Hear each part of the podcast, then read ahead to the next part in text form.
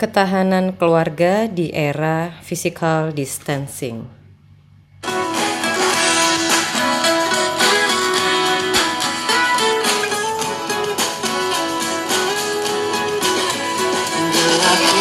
Siapa yang selalu di sini Memahami semua egoku Hanya mereka yang bisa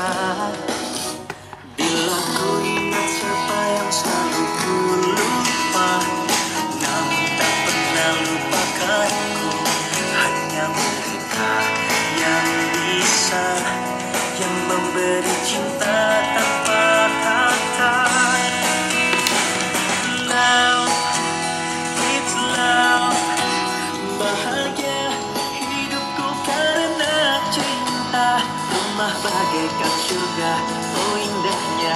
Susah pun tak apa Senang pun selalu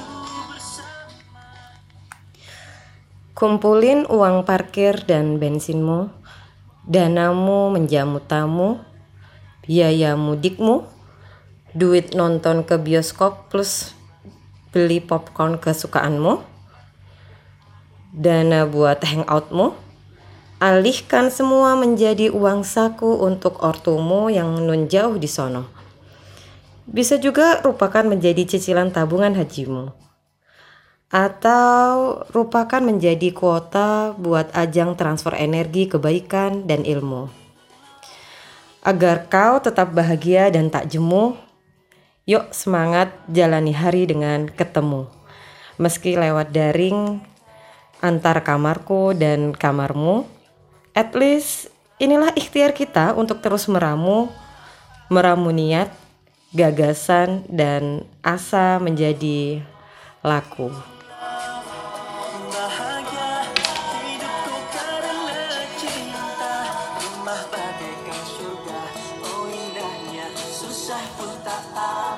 Senang selalu bersama Assalamualaikum warahmatullahi wabarakatuh. Ketemu lagi dengan saya Sania di sini eh, ngebawain sharing sedikit tentang gimana sih kita tetap kuat bertahan dalam keteguhan di era physical distancing ini.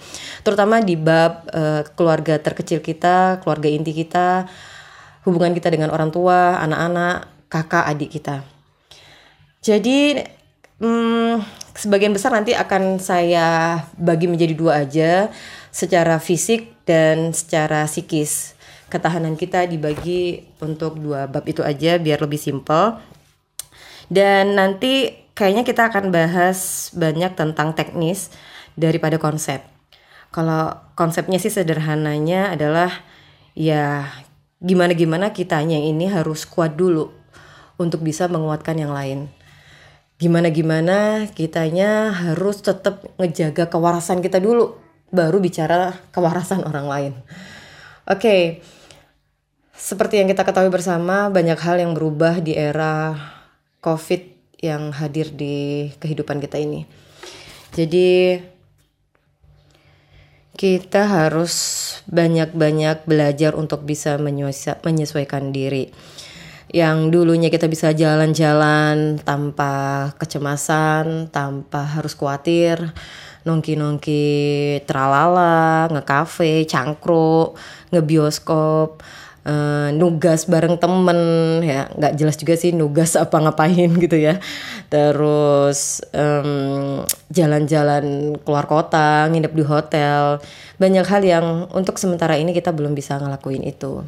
Terus gimana dong agar kita tetap eh, bertahan dalam kebahagiaan ya apa pun situasinya Baik, eh, yang untuk fisik saya akan ambil highlightnya aja, jadi nggak sampai perintilannya. Mungkin kalau ada waktu akan ada capturean picture-nya aja. Jadi eh, di fisik ini cuma ngerimain aja bahwa ketahanan fisik yang kita butuh siapkan dan eh, diusahakan untuk ada, salah satunya adalah ketahanan pangan. Pangan ini meliputi ya makan, minum, bahan-bahan yang kita konsumsi sehari-hari yang bergizi, eh, termasuk vitaminnya. Terus APD, alat pelindung diri ya kalau misalnya orang umum minimal masker, kalau ada hand sanitizer atau alkohol, ya kalau nggak punya ya minimal sabun lah ya. Terus ketahanan fisik yang berikutnya adalah dana. Hmm, semacam tabungan atau ya duit-duit yang selama ini mungkin kita alokasikan untuk hal-hal yang tadi kita sebutin di awal sekarang mungkin bisa di saving untuk uh, keperluan atau jaga-jaga kita di kondisi yang who knows kita nggak pernah tahu. Uh, who, we never know jadi kita nggak pernah tahu ini ujiannya sampai kapan. Dan yang terakhir yang gak kalah penting juga adalah ketahanan kuota tentunya ya. Jadi pangan sandang dan kuota oke okay, kalau yang fisik sementara itu aja dulu kalau yang psikis ini kita banyak ngobrol di sini ya kita butuh nyiapin mikirin lah ya uh, asupan otak kita apa, asupan untuk mental kita apa. Karena di sini cikal bakal kebahagiaan kita. Bagaimana kita mengelola mindset kita. Kalau ada kata-kata yang dramatis itu kita memang nggak bisa ngubah arah angin karena memang Allah yang ngatur itu. Angin dan arahnya dia bergerak itu bagian dari anugerah. Kita nggak bisa ngubah itu yang bisa kita ubah adalah arah layar perahu kita. Ya itu, kita nggak bisa setting mungkin ya corona ini berakhir besok atau minggu depan atau bulan depan atau sebelum lebaran harus udah selesai coronanya nggak bisa. Yang bisa kita lakukan adalah mengubah cara berpikir kita, mengubah kebiasaan kita, mengubah apa yang kita rasakan gitu ya. Itu bisa diatur. Asal tahu caranya. Oke, kalau asupan otak ini cara um, kita berkejar-kejaran dengan energi negatif yang juga berebutan pengen masuk ke panca indera kita ya lewat mata kita, lewat telinga kita, lewat uh, penciuman kita gitu ya. Semua stimulus negatif itu juga berebutan ingin masuk ke otak kita menjadi terendap di alam bawah sadar kita. So, kita harus berlomba-lomba dan jauh lebih semangat untuk mengisi otak kita dengan hal-hal yang positif. Apa yang bisa dilakuin? Ya, kajian online itu bertebaran di mana-mana ya, mulai dari IG Live, FB Live, atau kuluap-kuluap kayak kita ini gitu ya, lewat Zoom atau Google Hangout gitu ya. Itu jangan cuma jadi seliweran tontonan gitu aja, tapi Coba deh rasain sensasinya ketika kita join. Berhenti berpikir, alah paling isinya gitu-gitu aja. Coba rasain sensasinya karena tidak akan pernah sama ketika kita niat menjemput ilmu dengan berakhir uh, atau dari awal sudah kita cut dengan alah isinya paling cuma gitu-gitu aja. Secara tidak sadar itu adalah bagian dari mental block kita. Hancurkan segera.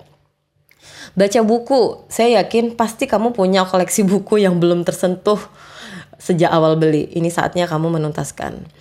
Berburu insight uh, bisa dengan share sama temen. Kalau kamu punya komunitas kecil itu lebih asik lagi.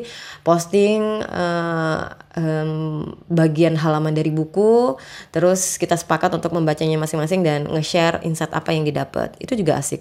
Kemudian update info-info kesehatan dari pakar atau praktisi langsung kalau yang mau aman sih ambil dari diskusi-diskusi pakar yang memang beliau bekerja langsung di instansi kesehatan resmi, misalnya di Rumah Sakit Dr. Stomo, di Rumah Sakit Karyadi atau Rumah Sakit uh, Persahabatan uh, dan yang lain-lain. Yang dari situ kita bisa meminimalisir hoax ya. Atau ikut kuliah online kuliah online gitu. Terus um, apalagi yang penting ini yang jauh lebih penting menjaga ketahanan akidah kita dalam kondisi sulit seperti ini memang benar-benar harus hati-hati menjaga akidah ini ya. Karena di sinilah muara dari kekuatan kita sesungguhnya.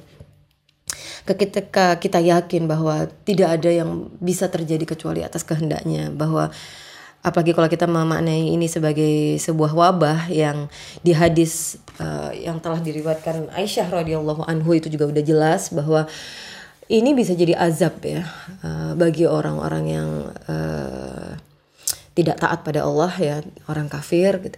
Tapi sebagai orang yang beriman ini bisa menjadi jalan uh, penuh nikmat gitu ya. Jalan menuju nikmat berikutnya. Asal kita menyikapinya dengan benar, dengan kesabaran dan uh, ikhtiar ikhtiar ikhtiar terbaik gitu ya. Uh, maka yang menjadi penting adalah menjaga kestabilan amal-amal solih kita. Bahkan bukan hanya stabil, kalau bisa meningkat, progresif, positif. Uh, tilawah yang biasanya nggak bisa satu jus, coba deh rasain sensasinya tilawah satu jus. wih itu dahsyat banget. Ha- Hari-harimu insya Allah rasanya akan jauh-jauh lebih tenang. Waktumu akan terasa lebih lebih produktif. Amal-amal soli ditingkatin. Secara tidak langsung itu juga akan menguatkan imunmu.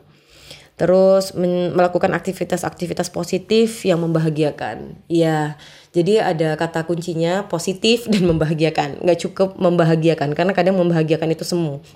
Bagi anak-anak, main Mobile Legend mungkin membahagiakan, tapi percayalah bahwa itu kebahagiaan semu. Begitu kuota habis, begitu waktu habis, atau begitu baterai HP habis, begitu jam jatah mainnya habis, ya habis juga kebahagiaannya. Tapi ada keyword yang berikutnya adalah aktivitas positif. Aktivitas positif itu yang kayak gimana sih? Yang produktif, menghasilkan. Menghasilkan karya apa pun itu, levelnya sereceh apa pun. Mungkin bagi kita nggak guna, sebenarnya itu positif. Misalnya kayak menyusun kembali baju-baju di dalam lemari, em, menanam kangkung, itu gampang loh. Menanam tomat, eh, atau kalau yang mau belajar sedikit, eh, agak modal dikit, belajar untuk kayak bertan bercocok tanam kayak hidroponik atau apa ya yang eh, itu bisa akhirnya bisa menghasilkan juga loh kalau banyak itu kita bisa jual atau kalau nggak mau komersil kita bisa bagi-bagikan mumpung ini masa-masa yang tepat kita untuk saling menjaga saling bahu membahu oke itu sedikit spoilernya tentang gimana kita menjaga ketahanan keluarga di era physical distancing ini. Dan terakhir eh, mengingatkan juga untuk tetap terhubung dengan dokter atau para medis. Terus syukur-syukur kalau kita punya sohib atau teman seangkatan atau eh, tetangga atau saudara itu bisa kita optimasi perannya terus terhubung dengan keluarga inti ya eh, orang tua kita gitu. Terus sama sohib sama tetangga perangkat RT RW plus komunitas kebaikan atau komunitas ilmu yang kita punya secara online. Itu ngebantu banget untuk kita tetap bertahan eh, dengan tetap sehat lahir batin. Dan bisa jadi Allah ingin kita lebih dekat lagi dengannya melalui ujian-ujian yang Allah hamparkan kepada kita hari ini dan Allah ingin kita menjadi lebih dekat dengan orang-orang yang memang pada hakikatnya, hakikatnya menjadi bagian penting dalam hidup dan perjuangan kita. Siapa mereka? Ya, mereka adalah keluarga kita. Selamat eh, menyuburkan cinta, selamat merawat cinta, jaga iman dan imun. Wabillahi taufik wa hidayah. Wassalamualaikum warahmatullahi wabarakatuh.